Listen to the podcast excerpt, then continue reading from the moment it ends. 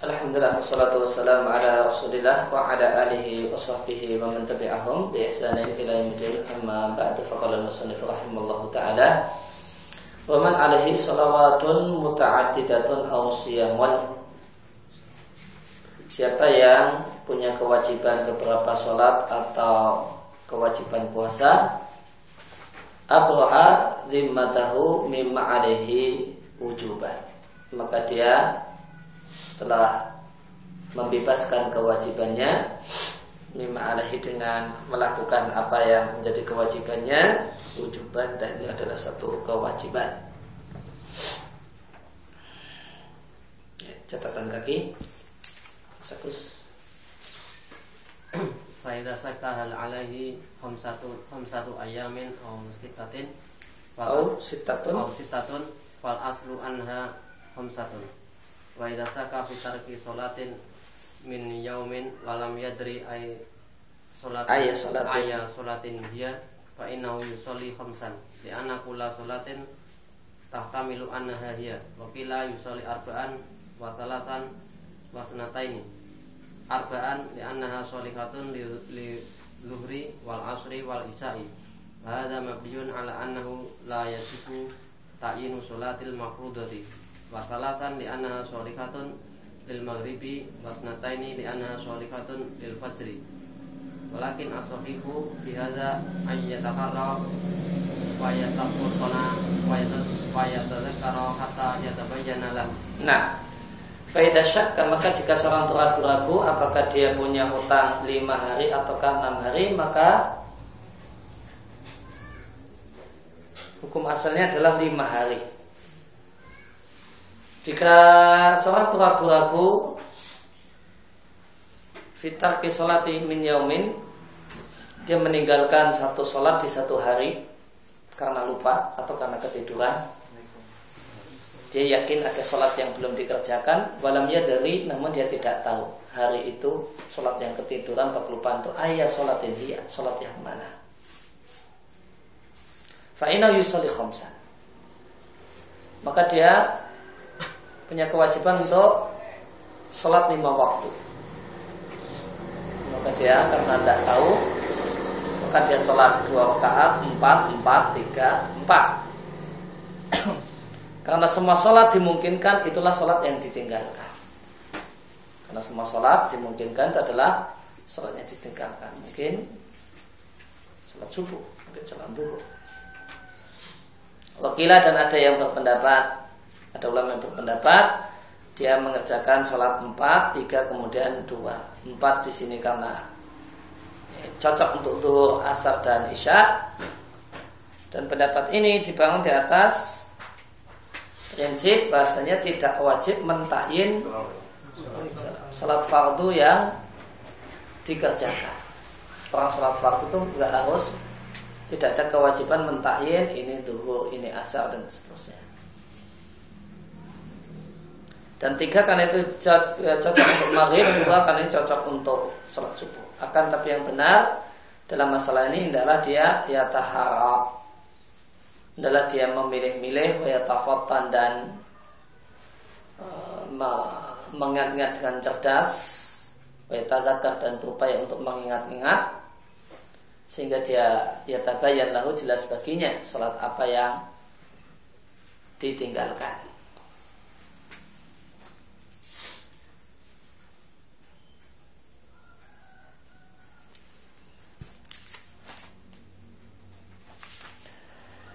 Kemudian waman syakka fi asli tolaki dan siapa yang ragu-ragu fi asli tolaki. Fi asli tolaki artinya apakah saya sudah pernah mencerai istri saya ataukah belum?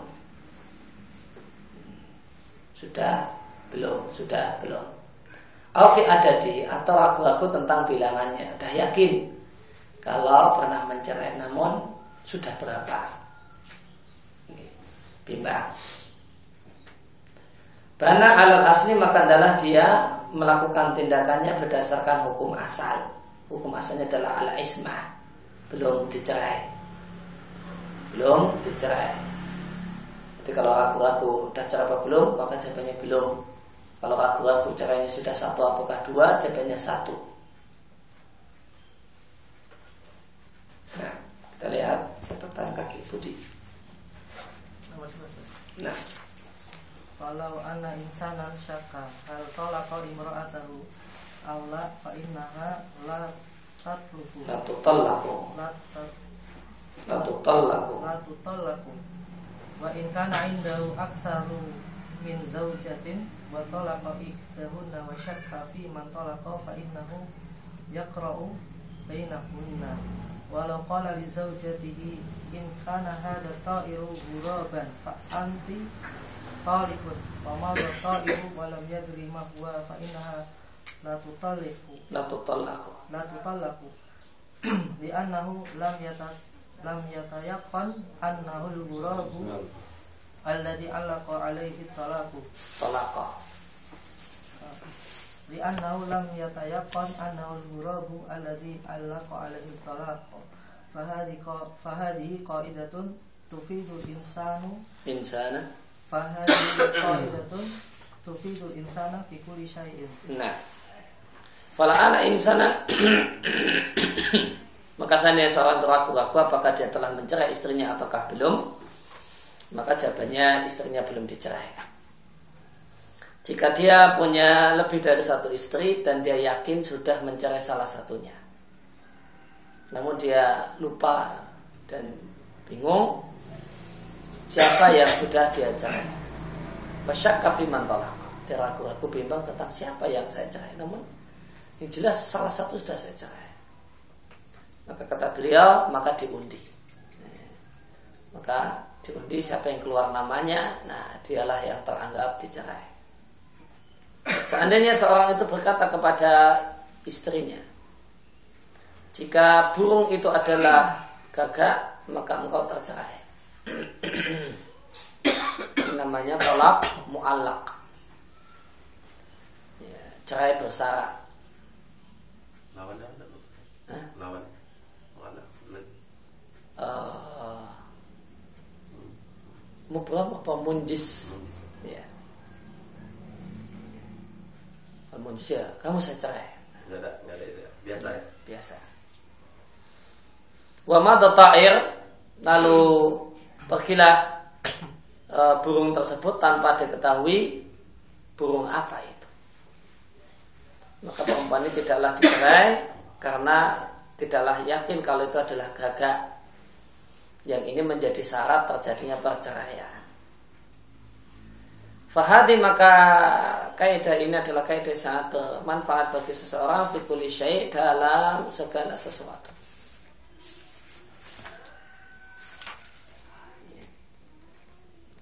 Baca matanya Hasan Abu Hasna.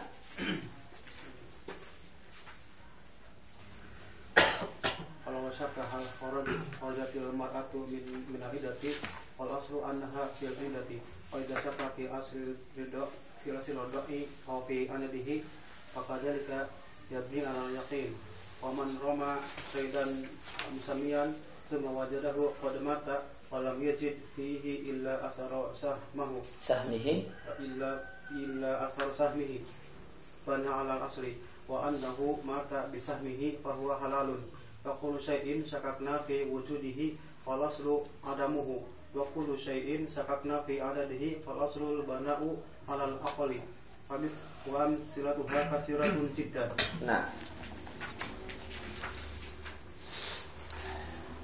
Oleh syaka maka seandainya orang itu ragu-ragu apakah ya, apakah seorang perempuan itu telah berakhir masa idahnya ataukah belum maka hukum asalnya dia masih dalam masa idah. Jika ragu-ragu apakah anak ini telah jadi pernah disusui ataukah tidak atau ragu-ragu yakin sudah pernah disusui namun sudah berapa kali susuannya ragu-ragu maka kalau ragu-ragu apakah disusui ataukah belum maka berarti belum disusui. Ragu-ragu apakah empat kali persusuan atau tiga kali susuan maka jawabannya tiga. Fakadali kaya bani ala yakin maka adalah dia lakukan tindakan berdasarkan yang yakin.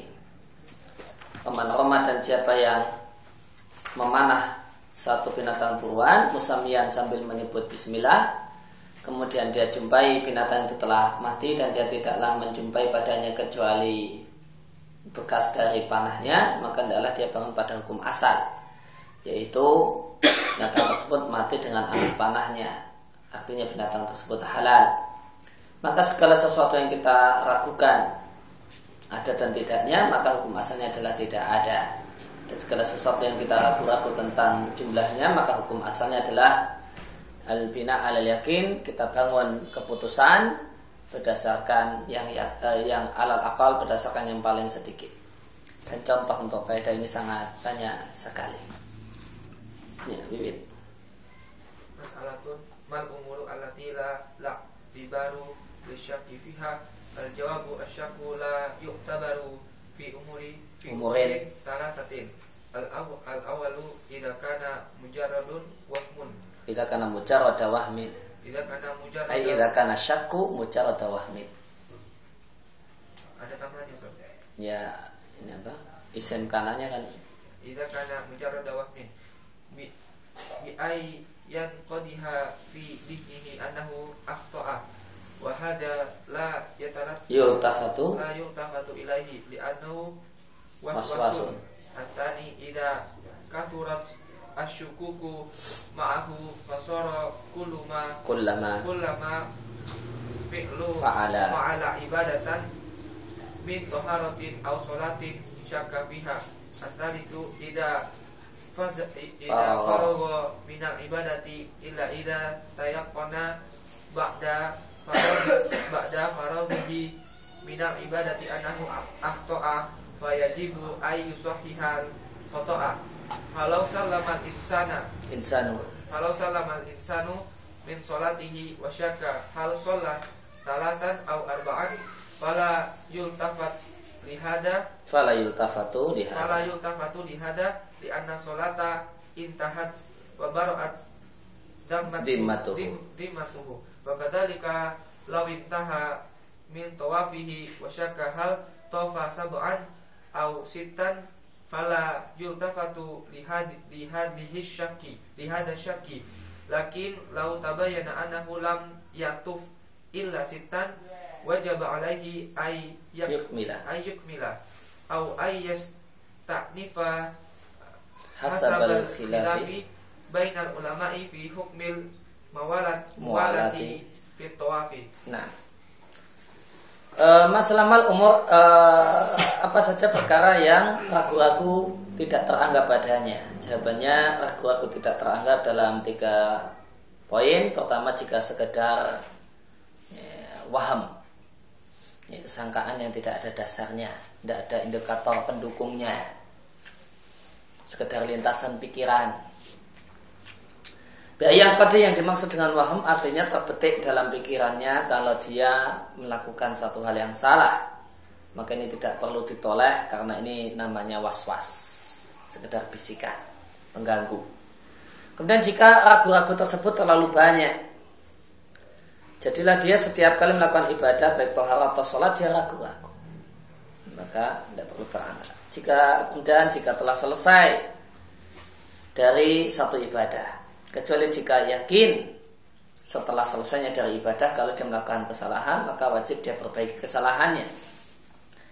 Maka misalnya seandainya seorang itu mengucapkan salam dari sholat dan dia ragu-ragu apakah sholat tiga rakaat atau empat rakaat maka tidak perlu ditoleh.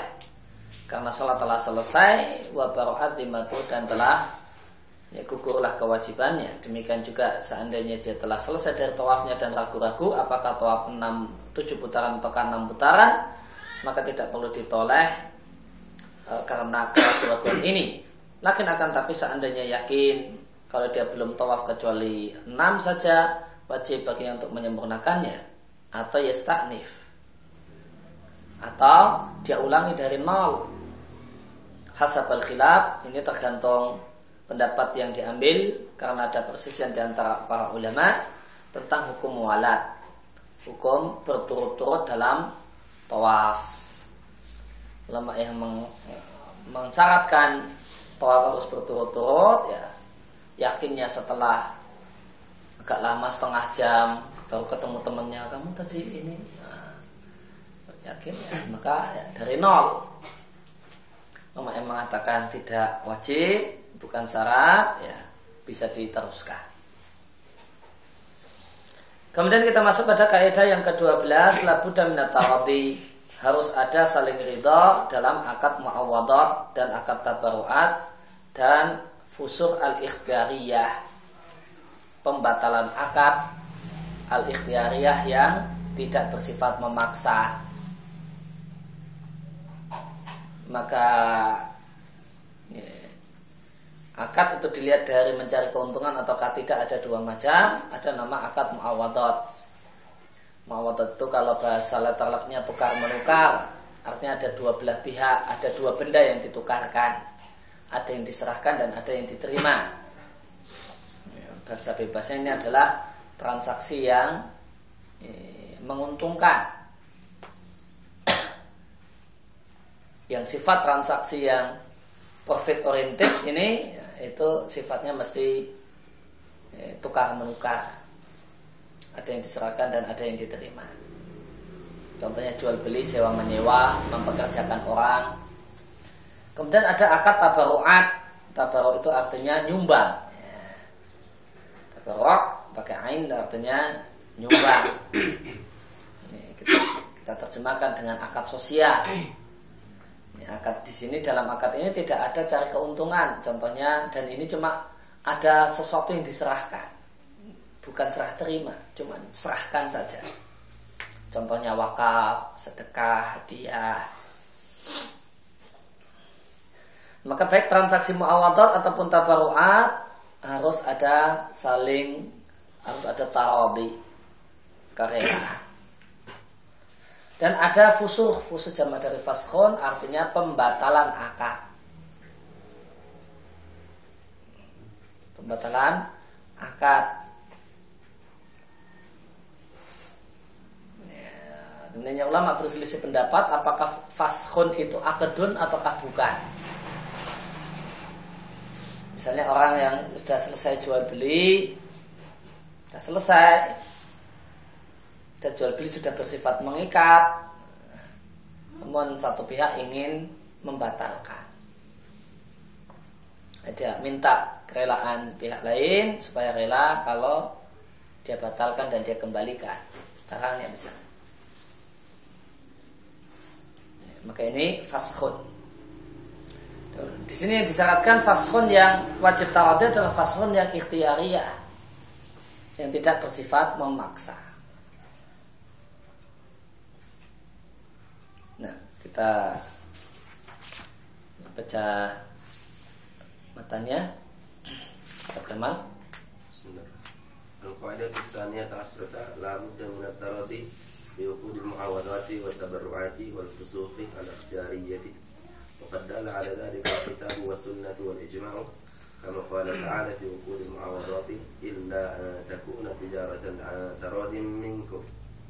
لأن التجارة اسم جامع لكل ما يقصد به الربح والكسب فلا بد فيها من التراضي بين الطرفين.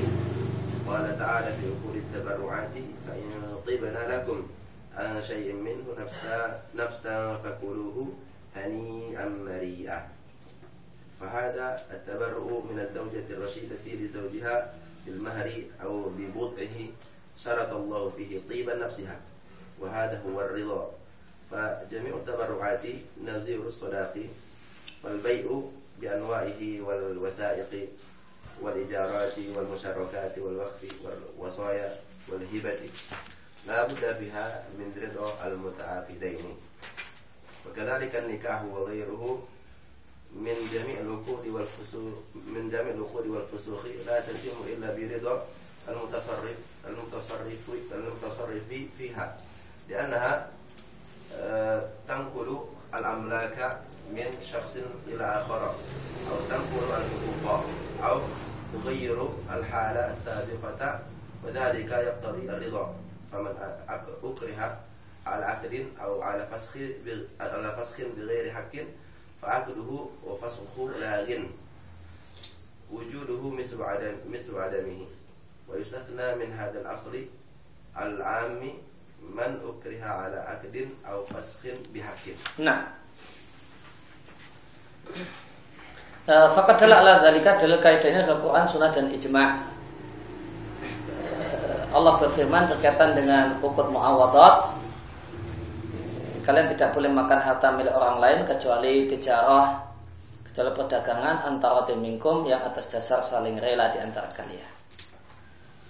Dan yang dimaksud dengan tijarah adalah semua aktivitas yang bertujuan untuk mencari keuntungan dan pendapatan. Ini terjemah bebasnya. Maka nggak perlu nama yang mencakup. Nah, itu itu tidak cocok dalam bahasa Indonesia. Langsung aja. Tijarah adalah semua sehingga tijarah bisa berarti lebih tepat diartikan bisnis daripada perdagangan ya. Nah, kalau perdagangan kan dalam bahasa kita cuma asosiasinya jual beli aja. Dan tijarah itu semua aktivitas yang yuk bihi tujuannya adalah mencari keuntungan dan mendapatkan penghasilan atau pendapatan bisnis beli atau yang lain. Maka harus ada saling rela yang ini berasal dari dua belah pihak. Dan Allah berfirman tentang akad tabaruat. Maka jika istrimu itu tibena ansya'in minhu nafsan, jiwanya 100% rela ansya'in minhu untuk menyumbangkan sebagian dari maharnya kepada kalian para suami silakan kalian manfaatkan hani amaria dalam keadaan enak dan enak. Maka ini adalah tabarok sumbangan dari istri yang dia rasyidah. Yang dia sudah balik dan sudah bisa mengatur keuangannya sendiri kepada suaminya. Dia sumbangkan, boleh Allah bolehkan dia sumbangkan bil mahari, semua maharnya. Atau sebagian maharnya dengan syarat Allah syaratkan itu 100% kerelaan hatinya.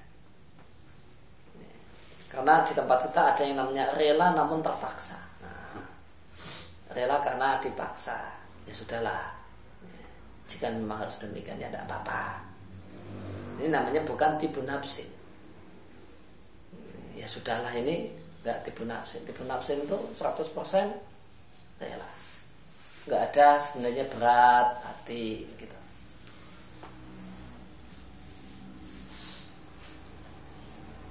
Wahada waridati nafsin ini sama dengan riba. Dan semua akad tabarok itu semisal dengan mahar. Fal baik maka jual beli dengan berbagai macam bentuknya wal wasaik dan transaksi wasaik. Transaksi wasaik transaksi yang berfungsi untuk mengikat hak, menjamin hak. Di catatan kaki nomor 2 kita baca duluan transaksi wasaik ada tiga transaksi yang tergolong wasaik jadi lengkapnya ada tabarok ada muawadat sama ada wasaik ada tiga akad dalam Islam adalah rohan jaminan utang piutang, doman dan kafala. Penjaminan dan penjaminan. Ini disebut ukut wasaik li anak karena tiga akad ini. Ukudun adalah transaksi tuwafik al haq yang menjamin hak. Sehingga hak yang punya hak itu tidak tersia-siakan. Maka semua uh, jual beli dalam berbagai macamnya dan wasaik kemudian ijarat sewa menyewa musyarakah wakaf wasiat hibah harus ada kerelaan dari dua belah dua pihak yang melakukan transaksi. Wakadhalika demikian juga nikah dan transaksi yang lain wal fusuh demikian juga pembatalan akad latatimu. Yang dimaksud dengan latatimu adalah la tujadu. Tidak sempurna di sini artinya tidak ada. Itu tidak ada kecuali dengan keridhaan al-mutasarrif fiha. Orang yang melakukan transaksi. Maka sempurna dalam bahasa Arab itu bisa kita terjemahkan kadang artinya kita terjemahkan dengan sempurna. Dan terkadang kita terjemahkan dengan tidak ada.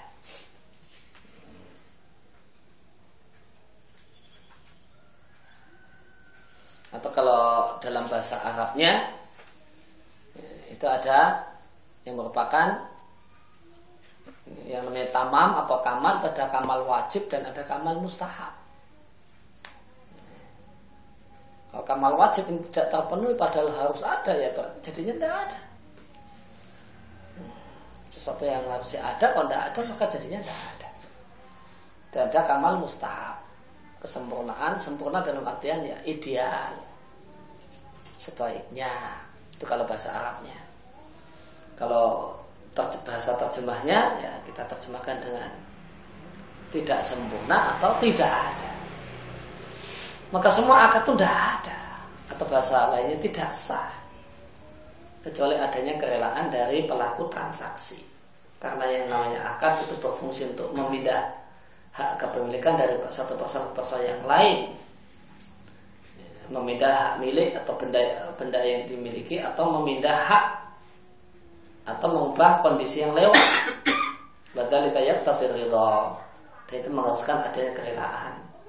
Maka siapa yang dipaksa untuk melakukan satu akad atau untuk membatalkan akad dan pemaksanya adalah pemaksaan yang tidak bisa dibenarkan, maka akad dan pembatalan akadnya misalnya tolak dipaksa oleh bapaknya istri kalungnya celurit ceraikan nah, uh, maka pembatalan akadnya lain sia-sia yang namanya sia-sia adanya seperti tidak adanya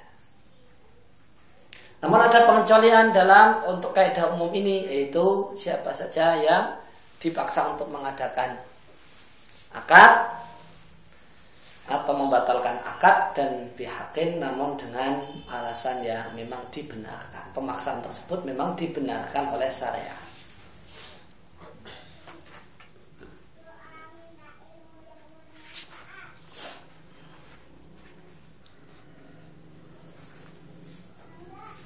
Di catatan kaki pertama saya baca saja. E, kaidah ini dikecualikan idakan al ikrah bihaqi. Jika pemaksanya adalah karena alasan yang bisa dibenarkan. Sebagaimana akan disebutkan oleh penulis. Maka dalam pemaksaan yang pihak ini tidak disyaratkan kerelaan.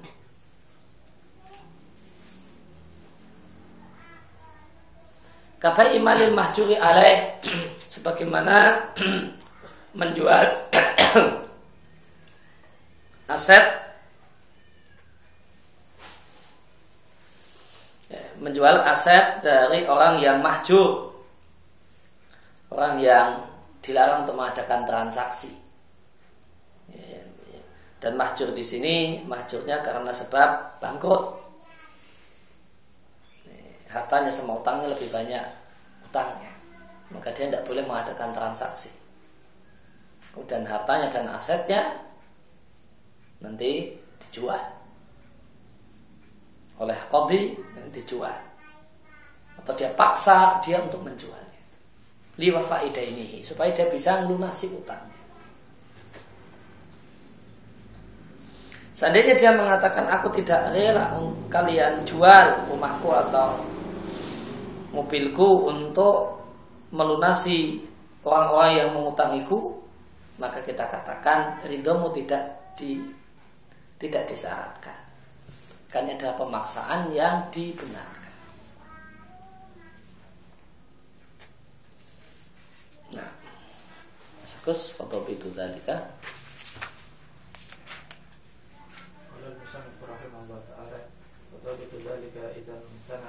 Insanu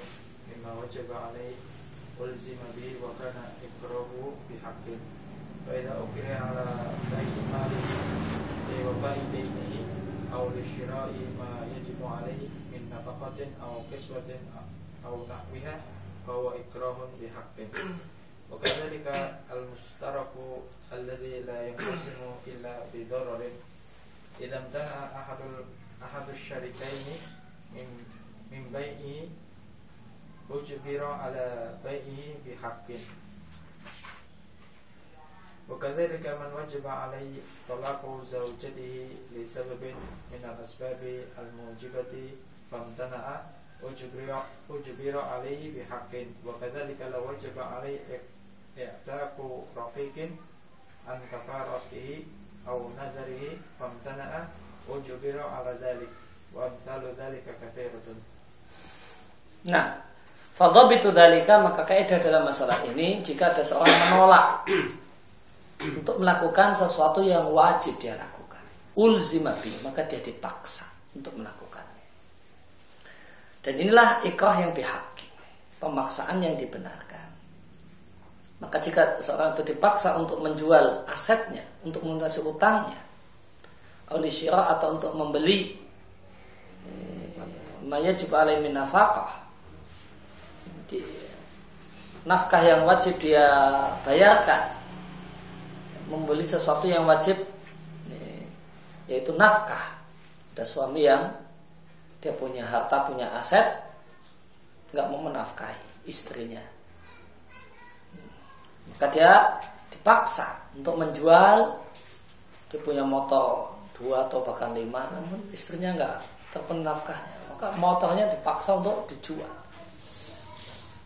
Untuk ya, memberikan nafkah pada istrinya atau kiswah untuk memberikan kebutuhan pakaian istri dan anaknya atau semacam itu maka ini adalah pemaksaan yang dibenarkan demikian juga satu benda yang milik bersama aladillah yang kosim yang dia tidaklah bisa dibagi kecuali menimbulkan bahaya. Maka jika salah satu menolak untuk menjualnya, maka dia dipaksa untuk menjualnya dan ini adalah pemaksaan yang dibenarkan. Di catatan kaki nomor tiga, contohnya dua orang yang menjadi pemilik seekor onta. Fahadalim kenaan yang yang kosam maka onta itu tidak mungkin dibagi. Kalau badannya kita potong dibagi mati, tidak bisa dibagi. Ila bidoron kecuali menyebabkan dorok yaitu matinya onta. Lalu salah satu meminta haknya minadal bayar. Eh, dua orang dan dia mengatakan saya ini, saya mau menguangkan hak saya. Saya mau menguangkan hak saya.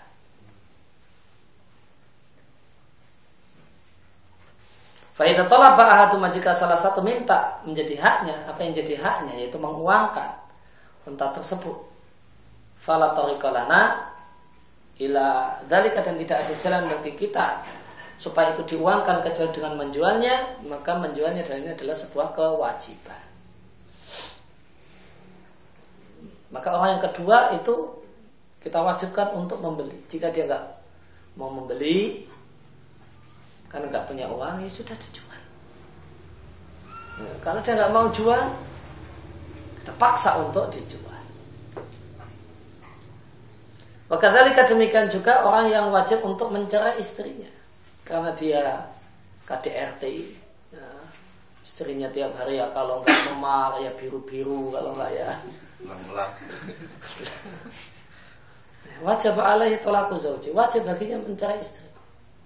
Karena satu sebab yang mengharuskan. Namun dia menolak. Maka dia dipaksa untuk mencerai istrinya. Dan itu ada pemaksaan yang dibenarkan. Demikian juga orang yang wajib untuk memerdekakan budak untuk membayar kafar supanya atau nadarnya kalau dia menolak dia dipaksa untuk itu dan contohnya masih banyak yang lain.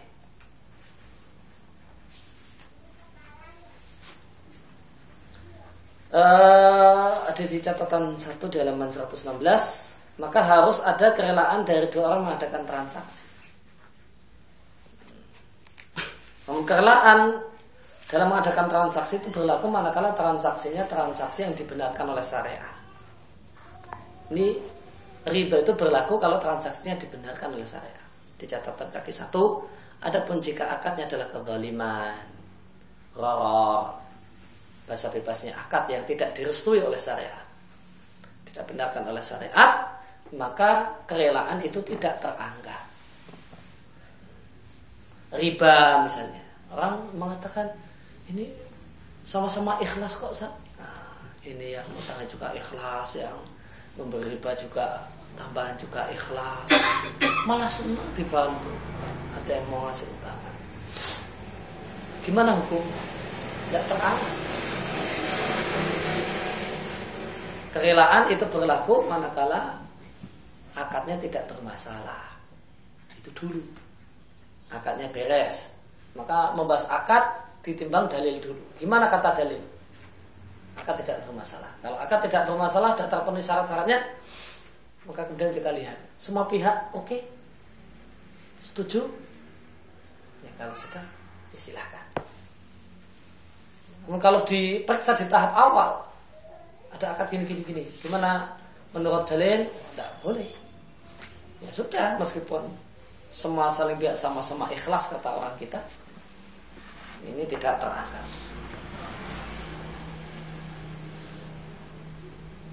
Di ana min syarti karena syarat kerelaan manusia adalah itu mencocoki ridha Allah. Dalilnya semua persyaratan dan perjanjian yang tidak ada dalam muka Allah maka itu batil meskipun 100 syarat.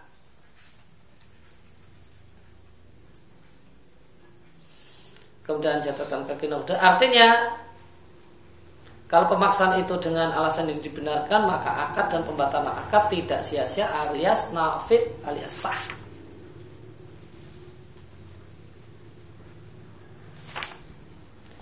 Kemudian kaidah yang ke-13 al-itlaq yastawi fihi muta'ammid wal jahil wan nasi. Dalam masalah merusak merusak apa yang jadi milik atau hak orang lain maka sama saja Apakah si pengrusak itu sengaja tidak tahu ataukah lupa?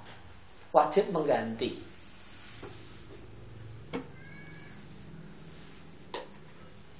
Cuma bedanya kalau sengaja wajib mengganti dan dosa. Kalau tidak tahu ataukah lupa wajib mengganti namun tidak dosa. Maka dosa berkaitan dengan masalah hukum akhirat. Mengganti berkaitan dengan hukum dunianya. Wa tasyamilun dan ini mencakup itlab nufus muhtaramah. Merusak nyawa yang harus dihormati. Bahasa terjemah bebasnya membunuh orang. Nah, membunuh orang itu merusak nyawa. Ataupun merusak harta orang lain ataupun merusak apa yang jadi hak orang lain. Ya, Satria. فمن أتلف شيئا من ذلك بغير حق فهو مذموم سواء كان متعمدا أو جاهلا أو ناسيا. ولهذا أوجب الله الدية في القتل خطأ وإنما الفرق بين المتعمد وغيره من جهة الإثم وعقوبة الدنيا والآخرة في حقه وعدمه في حق المعذور بخطأ أو نسيان. فمن أتلف مال غيره أو حقا من حقوقه bimubasharatin aw sababin fahuwa dhaminun. Nah, faman atlafa syai'an maka siapa yang merusak satu dari tiga hal di atas? Nyawa, harta, hak. Birai hakin tanpa alasan yang dibenarkan oleh syariat. Maka kalau al nah itu tidak ada kewajiban. Nanti rugi karena dia menghilangkan dan merusak nyawa orang lain bihakin maka di sini ada e, persyaratan bihak bighairi hakin siapa yang merusak hal-hal di atas dan dia tidak punya hak untuk merusak kalau dia diberi hak oleh syariat untuk merusak tidak masalah Fawa matmun maka barang yang dirusak itu wajib diganti. Baik orang yang melaku, pelakunya itu sengaja tidak tahu ataupun lupa. Oleh karena itu Allah mewajibkan adanya dia meskipun dalam kasus pembunuhan tidak sengaja. Lalu perbedaan antara sengaja dan tidak sengaja itu cuma faktor dosa. Bukan faktor mengganti.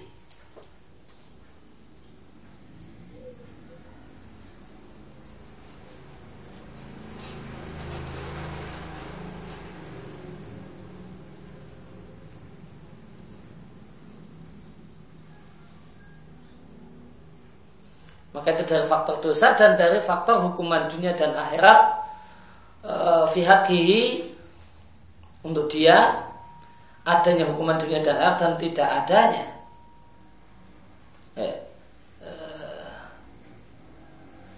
dan uh, hukuman di dunia dan di akhirat fihakihi untuk orang yang sengaja wa adami dan tidak ada hukuman di dunia dan di akhirat fihakil ma'zuri untuk orang-orang yang ma'zur orang yang punya uzur karena melakukan hal tersebut karena tidak sengaja ataukah lupa. Sehingga faman siapa yang merusak harta milik orang lain atau apa yang jadi hak orang lain dan dia boleh jadi bimubasyarah pelaku langsung. Au sababin atau dia faktor pendukung penyebab bukan pelaku langsung. Fawadaminon maka dia adalah wajib mengganti. Dia wajib mengganti. Misalnya ada orang merusak gelas milik orang lain. Pelaku langsung adalah orang yang nabrak gelas ini sehingga pecah. Penyebab adalah orang yang mendorong. Orang yang dorong, dorong temannya.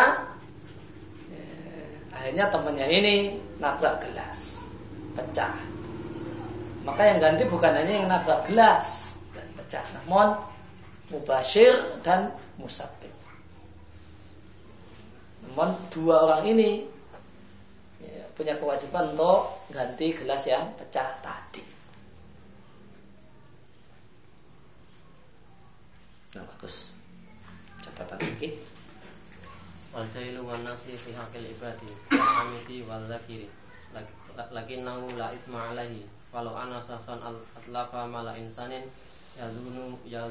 mala malahu wa tabayyana annahu malu ghairihi fa alaihi dhuman wa kadzalika law nasya fa atlafa mala ghairihi fa alaihi dhuman walau ukriha fa alaihi dhumanu aidan lakinnahu yastawi ma'al mukrihi fa yakunu dhumanu alaihi ma jami'an li'anal mutlifa mubashirun wal mukrihu muljiun wa min dzalika law ukriha ala ayyaktu syasan maksuman wa qala in lam taqtu in lam taqtulhu qataluka fa qataluhu Faqatala. fa qatalahu fa dhamanu alaihi ma jami'an.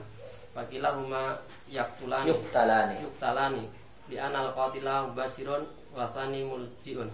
Illa idza kana al mukriha kal alati fazuma fazumanu alal mukrihi. Mislu ayakunal mukrihu qawiyan fa akhadha insanan wa daraba bihi akhara akhara famata fazumanu alal mukrihi li anna tani kal alati laysa lahu ayu ayu ikhtiyarin Nah, Faljahil wan nasi maka orang yang tidak tahu dan orang yang lupa berkaitan dengan hak sesama itu dalam syariat seperti orang yang sengaja dan ingat. Lakin nahu cuma bedanya orang yang jahil dan nasi itu tidaklah dosa. Sehingga seandainya ada seorang yang merusak harta orang lain karena dia kira itu hartanya, dia kira itu piringnya, dia banting. Karena sama, dia kira piringnya. Kemudian setelah itu dia tahu kalau itu harta orang lain, dia punya kewajiban untuk mengganti. Demikian juga seandainya seorang itu lupa, lalu dia merusak harta orang lain, maka dia punya kewajiban mengganti. Demikian juga seandainya orang itu dipaksa, juga punya kewajiban mengganti. Akan tetapi eh, yastawi ma'al mukrih dan dia sama dengan orang yang memaksa. Maka nanti dua yang menanggung. Fayakun doman maka ganti rugi alihima kewajiban dua orang pemaksa dan yang dipaksa jami'an dua-duanya. Alasannya karena yang pengrusak dia mubashir pelaku langsung. Sedangkan mukrih orang yang memaksa itu adalah ya, muljiun orang yang ya, ya, ya bahasa bebasnya penyebab. Pemindalika contohnya seandainya ada seorang yang memaksa untuk yaktul membunuh sakson maksuman person yang terjaga darahnya Ya, karena manusia dalam syariat ada maksum dam dan halal dam Ya, dia paksa untuk membunuh sakson maksuman. Ay maksum dam terjaga darahnya. Muslim misalnya. Dengan mengatakan jika engkau tidak membunuhnya akan kubunuh diri. Lalu dia pun membunuhnya maka ganti rugi menjadi kewajiban keduanya jami'an dua-duanya. Jika yang dibunuh adalah saksun maksum itu adalah muslim maka ada kisos kalau itu orang kafir namun maksum ya tidak ada kisos namun ada dia Sehingga karena yang dibunuh adalah muslim maka keduanya dibunuh. Dengan alasan si pembunuh adalah pelaku langsung sedangkan yang kedua ada penyebab. Kecuali jika orang yang dipaksa itu dipaksa sehingga berstatus seperti alat maka ganti rugi menjadi kewajiban orang yang memaksa. Contohnya orang yang memaksa adalah orang yang sangat kuat. Lalu dia tangkap seseorang dan dia ikat dan dia angkat kemudian dia gunakan untuk mukul. Dia timpakan kepada orang yang dalam posisi tiduran buruk. Pasti matanya pasti nah, langsung pecah kepalanya. Kenapa? Karena tertimpa orang. Wadah babi akhir kemudian orang ini dia orang yang dia tangkap dia ikat tadi kemudian dia pukulkan kepada orang lain. Mata maka matilah yang dipukul. Maka di sini doman kewajiban ganti rugi ditanggung oleh pihak yang memaksa. Kenapa? Karena orang yang kedua hanya sekedar alat yang tidak punya pilihan. Tapi kalau sekedar cuma diancam bunuh dia. Kalau nggak bunuh, sekarang saya bunuh. Maka tidak boleh. Dia dengan alasan dipaksa dia tidak boleh membunuh orang. Kata para fukoha karena nyawanya tidaklah lebih berharga daripada nyawa orang yang dibunuh.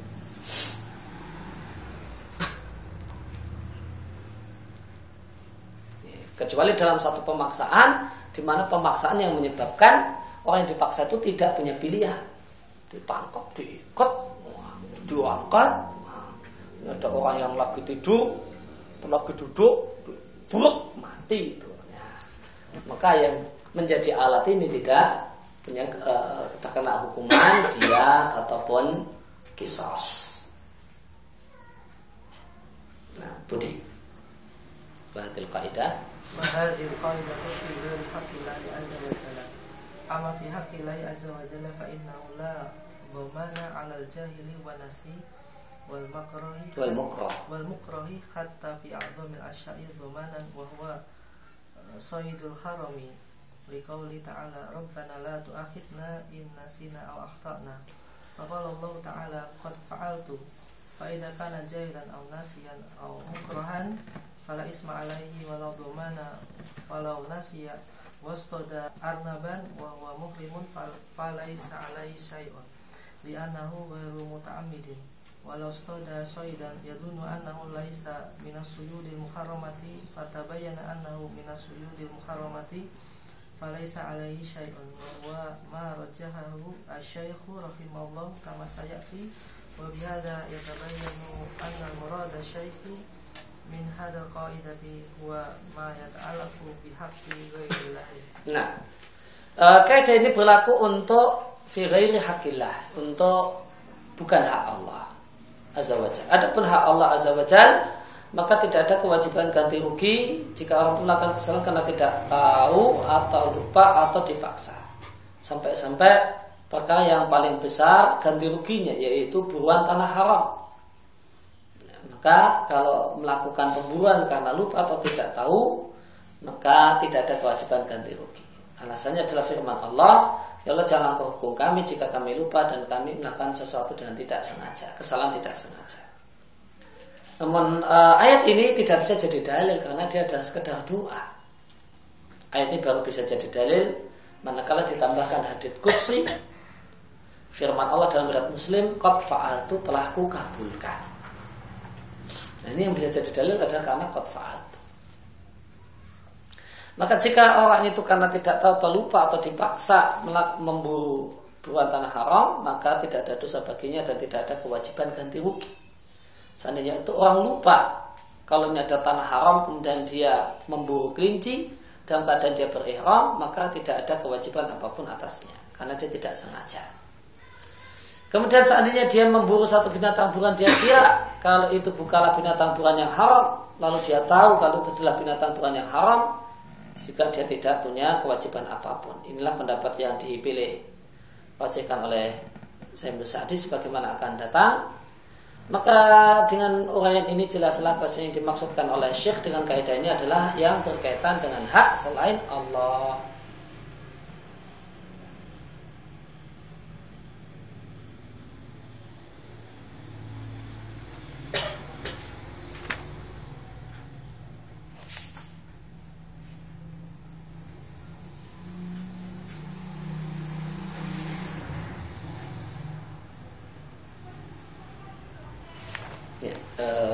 demikian baca kesempatan pagi hari ini. Allah ma'alim nama yang fa'una wa fa'na bima alam tanah wa wa sallallahu ala nabiyina Muhammadin wa ala alihi wa sallam. Alhamdulillah